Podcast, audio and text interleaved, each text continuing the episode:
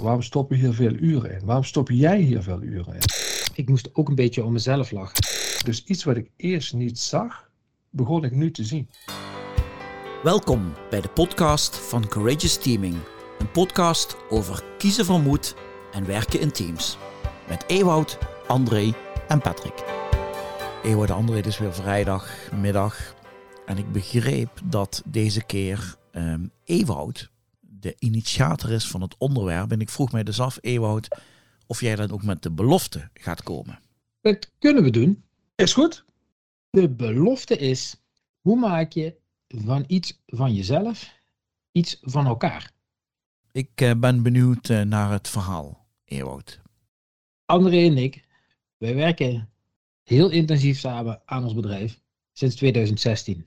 En al vanaf dat moment ben ik bezig met wat is onze werkwijze? Hoe werken we? Welke uitgangspunten staan er centraal? Hoe doen we de dingen? Ook een beetje gevoed door een van onze leermeesters bij het vorige kantoor werkte. Die zei, god, dat ben ik eigenlijk altijd vergeten te doen en daar heb ik een beetje spijt van. En dat is iets dat, ik vind dat hartstikke belangrijk. Ik vind dat ook leuk om te doen. Ik denk ook dat ons dat helpt en beter maakt. Ja, je bent er zelf ook bij betrokken geweest. We zijn dat steeds, zijn we daar, hebben we daar slagen in gemaakt. Maar ik moet ook eerlijk zijn dat ik af en toe wel dacht, is dat nou een beetje het speeltje van mij? Wat ik heel belangrijk vind om te doen en wat mij veel rust geeft en waar ik ook wel toekomst voor ons bedrijf in zie. Of is dat ook iets wat André heel belangrijk vindt, wat van ons samen is?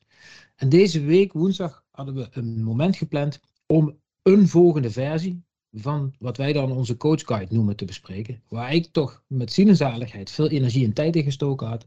Eigenlijk stiekem ook best wel blij en trots op was. Maar ik maakte me de avond ervoor eigenlijk al druk over de vraag hoe André ermee om zou gaan als wij dat gaan bespreken. Dus ik zat s'avonds aan tafel met mijn vrouw en toen vroeg ze wat is er. Dus ik was een beetje afwezig en ik zei, ik maak me een beetje zorgen. Ik maak me zorgen of dat het morgen wel een leuke meeting gaat worden. Ik heb daar heel veel zin in en voor mij zou dat, is dat een ontzettend waardevol iets. Maar ik weet niet of André dat ook zo als zoiets waardevols ervaart. En eh, of dat iets van ons beiden is, of dat ik dadelijk eigenlijk ga merken, ja leuk dat je daar zoveel tijd in gestoken hebt, maar uh, ja, mij raakt het verder niet.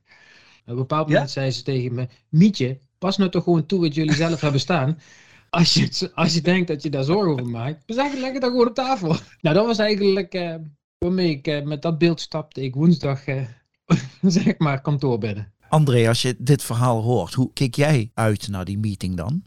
Nou, laat ik beginnen. In al die jaren dat ik met Ewout samenwerk, heb ik al heel wat boekjes van hem gelezen.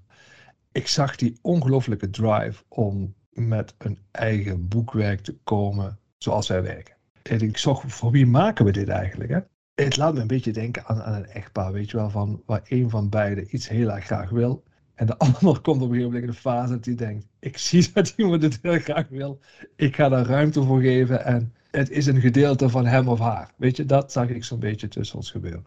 Uh, maar dus kwam ik wel bij de vraag bij mezelf terecht, van, hoe ga ik me daartoe verhouden? En ik zocht in het begin heel erg van waarom doen we dit eigenlijk? Waarom stoppen we hier veel uren in? Waarom stop jij hier veel uren in? Dat is misschien wel de eerste waardevolle. We zijn in contact gebleven, want Ewout heeft er ongelooflijk veel tijd in gestopt. En dat is niet alleen zijn tijd, maar dat is natuurlijk ook de tijd die je samen als bedrijf daarin stopt. En op een gegeven moment, eh, het beste antwoord wat hij me daarin heeft gegeven is, het geeft mij rust. Als ik dingen vastleg over hoe we ze doen. Toen dacht ik, ja, dat is al een hele goede reden. En ik zag nog niet zo hoe we daar nog veel meer mee zouden kunnen. Ik moest natuurlijk denken aan die leermeester waar je het over had, Frans. Van, uh, kun je hier ook waarderend of... Kijk, wat ga ik nu met dat boekje doen? Ga ik daar heel veel D's en T's aan toevoegen? Ga ik daar, wat, wat ga ik ermee doen? En ik begon langzaam bij dit boekje te zien dat ik dacht, hé, hey, maar dit kan ons uh, wel wat brengen. Omdat we dan niet iedere keer weer hoeven uit te vinden hoe we iets gaan doen. Dus iets wat ik eerst niet zag, begon ik nu te zien. En ik kan nu ook wel weer verder denken. Ik denk, ja, dit kan anderen, uh, deelnemers die in onze trajecten zitten, of andere coaches, kan het wat gaan. En wat het voor mij betekend heeft, ik moest mee op iets, in dit geval van Ewoud, waar ik zelf nog niet zoveel mee had. Om daar zelf een mindset shift in te maken. Van kun je eens meegaan met iemand die iets heel belangrijk vindt, dat zie ik non-verbaal aan alles, en eens kijken waar dat toe kan leiden. Eeuw, is zwaar in de heeft de, de meeste, eh, als ik het is, 90-10 hè.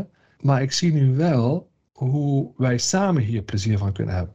Nu hebben we een, laten we zeggen, twee jaar geleden, dit zijn we opgestart. Daar hebben we een half jaar vrij intensief aan die coach guide gewerkt en daar heeft het een tijdje gelegen. En daarna is Ewout eigenlijk helemaal opnieuw begonnen. Maar die eerste keer zag ik jou toch ook met redelijk veel passie daaraan werken. Wat is het verschil dan tussen deze twee coach guides? Ja, het grote verschil begint dat ik nu zie, misschien de concreetheid, hoe wij het iedere dag in ons werk kunnen gaan gebruiken. En hoe het dus ook steeds beter kan gaan worden. En dat ik nu ook iets zie, en dat is een andere hele mooie. We hebben nu een basis waar we ook iets voor deelnemers kunnen maken. Als die bij ons in het traject zitten. Zodat ze ook zo dingen kunnen teruglezen. Die we vertellen en die we ze laten ervaren. Dus ik zie nu ook uh, hele praktische toepassingen. Maar weet je Patrick, even lang verhaal kort hè. Het deed natuurlijk ook iets met mij. En dat was eigenlijk van iets kan alleen maar goed zijn als André Wouters erbij betrokken is. Naar iets gaan waarderen wat iemand anders in hele grote mate geschreven heeft. Natuurlijk heeft hij opgeschreven hoe wij werken. Maar hij heeft het opgeschreven. Dus om daar waarderend in mee te gaan. Ik heb even zitten luisteren, vind ik hartstikke eh, mooi om dit verhaal van je te horen. Ik moest ook een beetje om mezelf lachen. Mijn mentale voorbereiding op dan in dit geval afgelopen woensdag ging eigenlijk uit van de ervaringen uit het verleden. Dus ik had me eigenlijk voorbereid op het allerergste voor mijn gevoel. En het allerergste wat er had kunnen zijn was dat jij gezegd had, ja, wat een klote document kan er niks mee. En ik weer al die vragen krijg van, uh, voor wie schrijven we dat eigenlijk, waarom moet er zoveel tijd en energie, nou, dat soort dingen. En niks van dat alles was waar. Daar moest ik zo hard om lachen voor mezelf. Want ik dacht, jezus, heel, moet je kijken, daar heb je eigenlijk je een avondje druk zitten maken.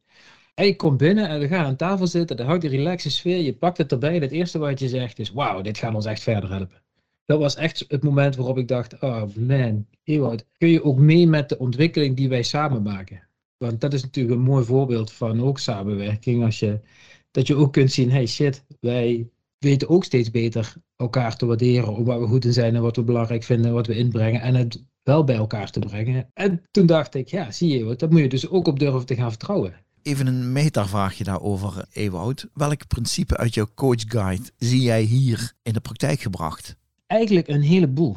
Het begint ergens met, in dit geval bijvoorbeeld bij André voor mij, met de moed die hij net schetst, dat hij de moed heeft om iets echt te volgen, maar ook echt met ziel en zaligheid. Hè? Dus niet te zeggen van oké, doe je ding en ik hoor het wel, maar ook echt wel te lezen, bijdragen te leveren, goede input te leveren, zonder dat hij al precies weet waar het toe gaat leiden. Dus dat, vond ik, dat vind ik wel heel moedig. Ergens zit er ook iets, die omslag waar wij het eerder over hadden, van, van strijd naar nieuwsgierigheid, heeft natuurlijk alles met ego te maken. Ja dat heeft er alles mee te maken. Kan ik oprecht nieuwsgierig zijn naar wat die ander denkt, ziet, waar hij het naartoe wil brengen, zonder dat mijn eigen ego parten gaat spelen over wat ik misschien nog niet zie. Voor mij zat er heel erg in de omslag van afbreken naar opbouwen. Kan ik, terwijl ik dit heel belangrijk vind, ook wel de ruimte laten om het op zo'n manier in te kleden dat de andere er ook meer uit de voeten kan dus er zaten voor mij veel van die uitgangspunten zaten er wel in. Want die twee, hè, van afbreken naar opbouwen, maar ook van strijd naar nieuwsgierigheid. Ik denk dat de luisteraar het misschien wel heel erg zal herkennen.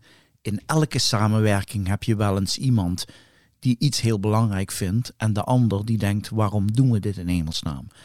Wat zou je die koppeling kunnen maken tussen onze luisteraar en wat jullie meemaken?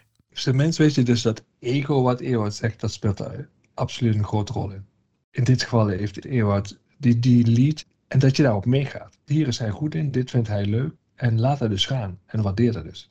Tegelijkertijd heeft hij mij niet in een dwangbuis geduwd. Hè? Dus als je zegt tegen je vrouw, kom je moet ook hardlopen, want hardlopen is goed, want ik vind hardlopen leuk eigenlijk. Dus dat ga je dus nooit samen hardlopen. Hè? Dat is één ding wat je zeker weet. Dus dat is misschien wel iets wat Ewout gedaan heeft wat mij hielp dat daar heel erg bij, omdat ik tijdens, tijdens dat ik bezig was, me wel continu de vraag heb gesteld: oké, weet je, dit is niet om mij te laten hardlopen, zoals jij het net zei, maar ik wil dat we hier samen mee kunnen hardlopen. Dus hoeveel ruimte moet ik inbouwen om ervoor te zorgen dat de andere er ook mee uit de voeten kan? Dat het ook aansluit bij de ruimte die iemand nodig heeft. Daar zit ook die wederkerigheid in, Patrick. Dus je ziet dat een van de twee iets heel erg graag wil, maar ook ik weet dat ik op andere dingen gewaardeerd word en dat ik die inbreng. Dus dat, dat voelt heel relaxed dan. Maar dan wil ik hem even scherp maken. Hè? Dus volgens mij is... Oei, ja, wacht, is spannend. Ja, ja, ja.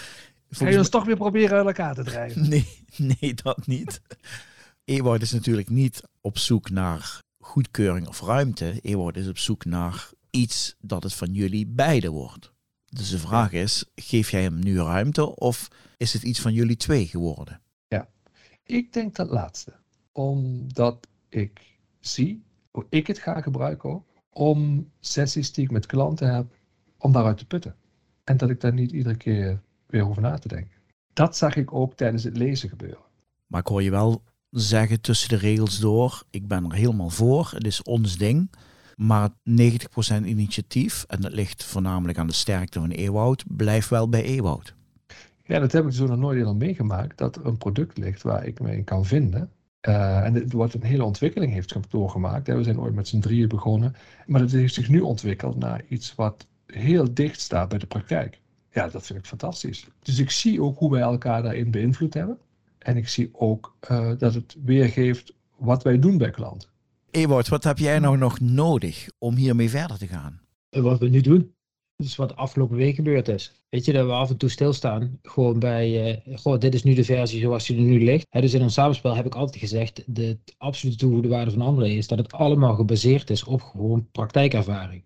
En we hebben gewoon dingen gedaan. We zijn dingen gaan, we zijn dingen gaan doen. We hebben erop gereflecteerd. Natuurlijk hebben we dat neergelegd naast onderzoek, naast literatuur, om te kijken van hey, wat, wat werkt hier nou eigenlijk van en wat werkt niet en wat werkt voor ons ook. Hè? Dat is ook een belangrijke vraag.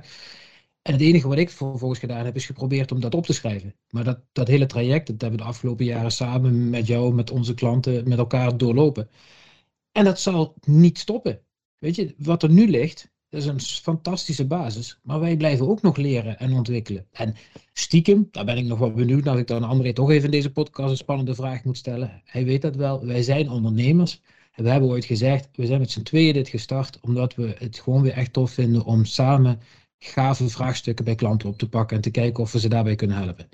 En ik zou het stiekem toch wel heel mooi vinden als wij een werkwijze kunnen ontwikkelen die als werkwijze als geheel ook, nou ja, te vermarkten klinkt zo, zo naar is, hè, maar als, als werkwijze waarde vertegenwoordigt en waar ook anderen mee uit de voeten kunnen om het te gaan toepassen en impact te hebben. En ergens hoop ik dat het ons de komende jaren daar als bedrijf ook bij gaat helpen.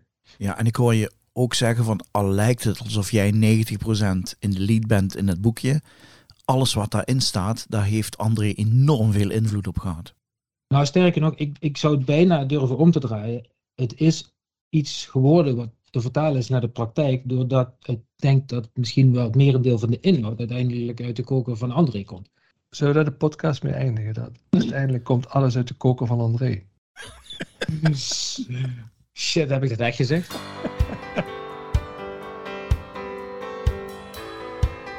Ga voor meer informatie over Courageous Teaming en het werk van Ewout en André naar www.courageousteaming.com.